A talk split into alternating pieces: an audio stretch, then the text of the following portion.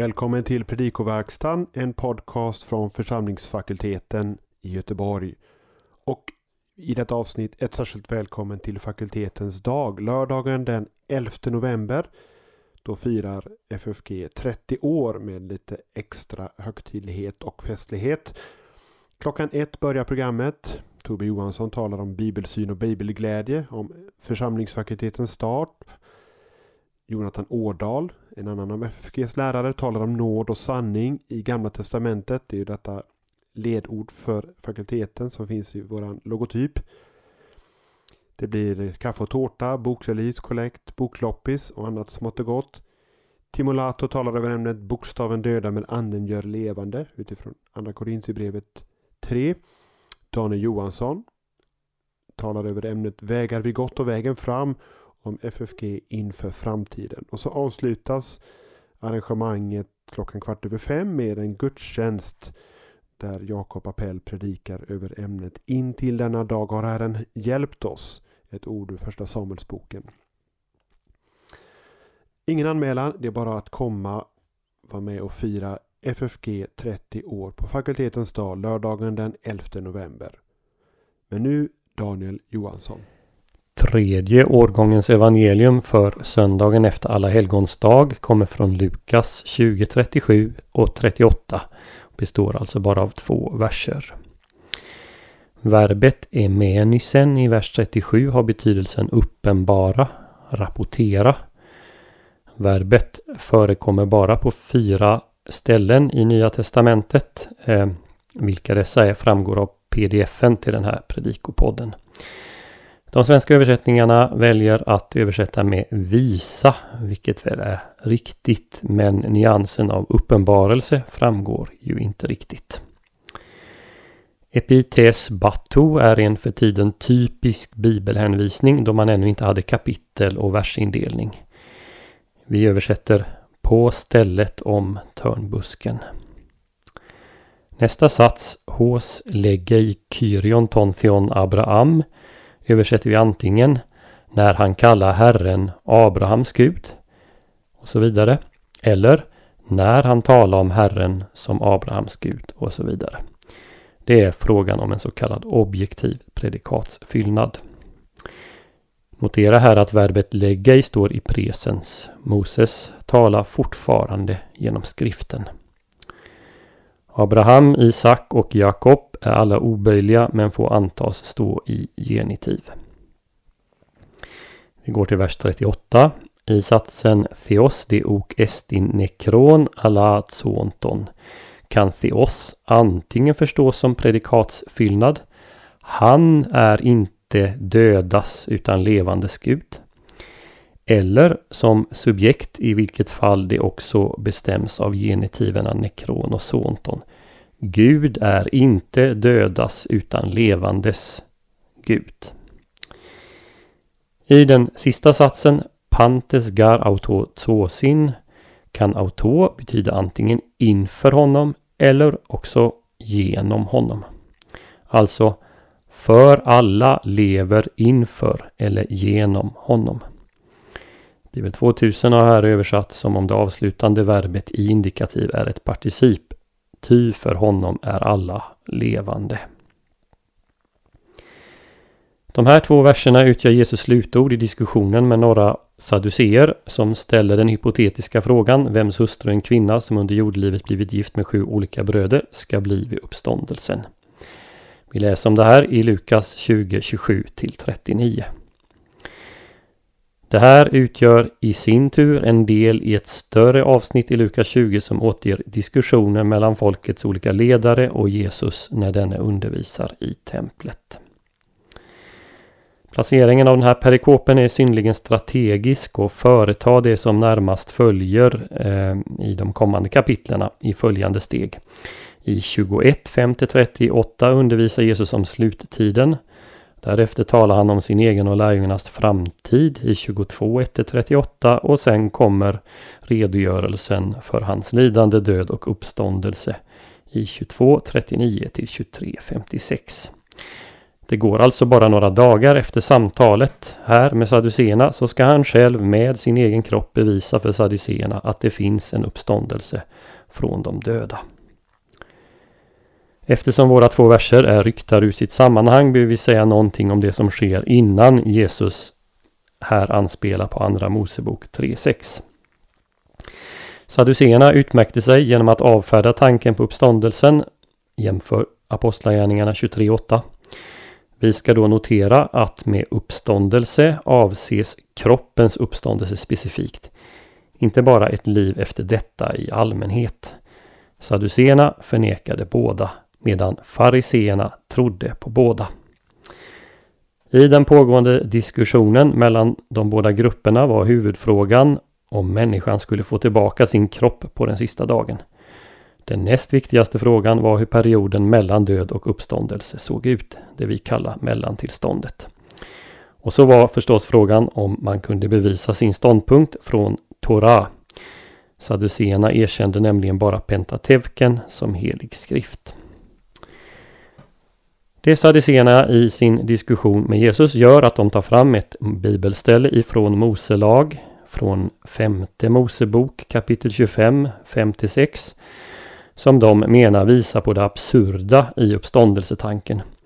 Mose hade ju stadgat att om en man dör barnlös så ska någon av hans bröder gifta sig med änkan för att så resa upp söner åt sin broder.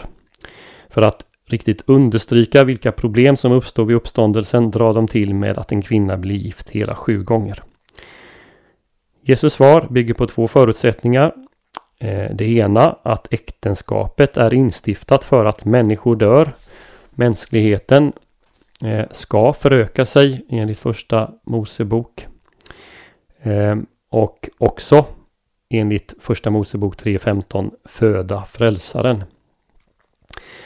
Den andra förutsättningen är att änglar inte dör. Lagen som Sadduceerna citerar handlar om hur familjelinjen fortsätter när den riskerar att dö ut. Men det är ju irrelevant i en värld där folk inte dör. Sadduceernas problem enligt Jesus är att de sätter likhetstecken mellan den här tillvaron och den kommande. I den kommande blir det inga äktenskap för dem som Gud anser värdiga, jämför 2035. Det vill säga de som troget lyssnar till ordet och tar emot Jesu rike i tro. De kommer att leva som jämställda med änglarna. Is angeloi är uttrycket som används av Lukas. det betyder inte att de är som änglarna i alla avseenden. I det här sammanhanget så måste likheten som avses vara just odödligheten. Enligt vers 36 är de som uppstår vidare Guds söner eller uppståndelsens söner. Innan våra två verser börjar har alltså Jesus underminerat förutsättningen för frågan Sadduceerna ställer. Det är helt enkelt fel fråga. Men Jesus slutar inte där. Han anför också argument för uppståndelsen på Sadduceernas egna premisser.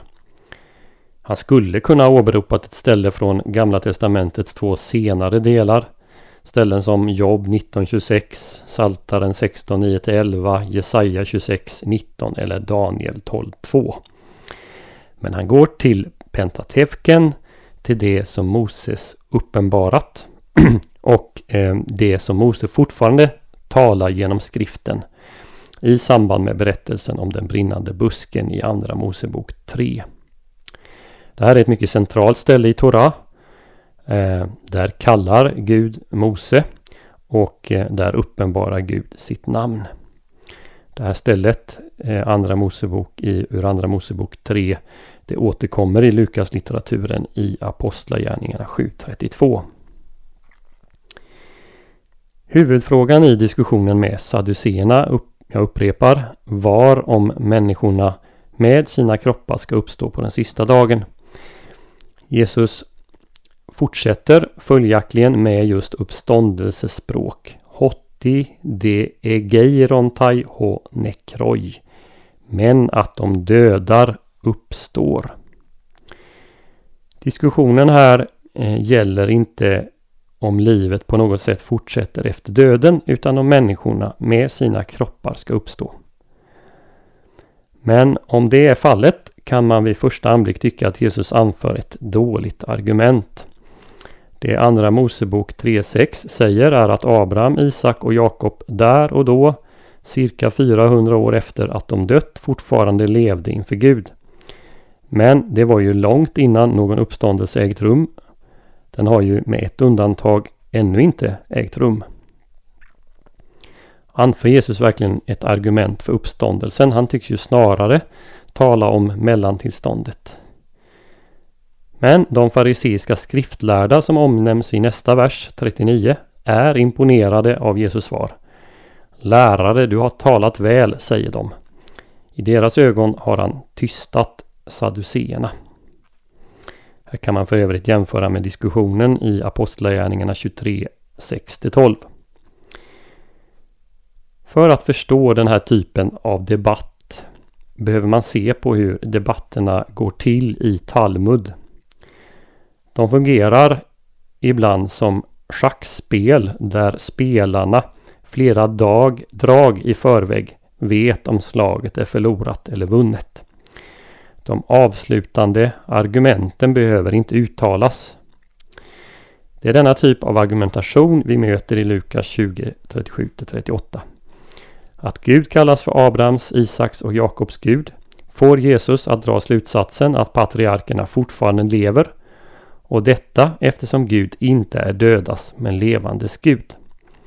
Men det är inte slutet på argumentationen. Argumentationens huvudpoäng är utelämnad.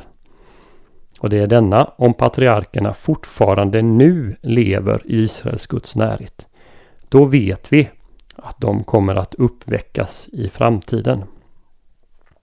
Om Jesus bara haft för avsikt att bevisa att patriarkerna hade en existens efter döden, då hade han inte fullt ut bevisat att saduceerna hade fel om uppståndelsen. Att leva inför Gud refererar då till det tillstånd den avsomnade människan befinner sig i i väntan på kroppens uppståndelse. Ja, så går Jesu resonemang i de två versar som utgör evangelieläsningen på söndagen efter Alla helgons dag. Du har lyssnat på ett avsnitt i Predikoverkstan från församlingsfakulteten. För att stödja FFG och för Predikoverkstans verksamhet ge en swishgåva på nummer 123 100 84 57 eller på annat sätt som finns beskrivet och angivet på hemsidan www.ffg.se. På hemsidan hittar du också information om aktuell verksamhet och resurser som det är fritt att ladda ner och ta del utav.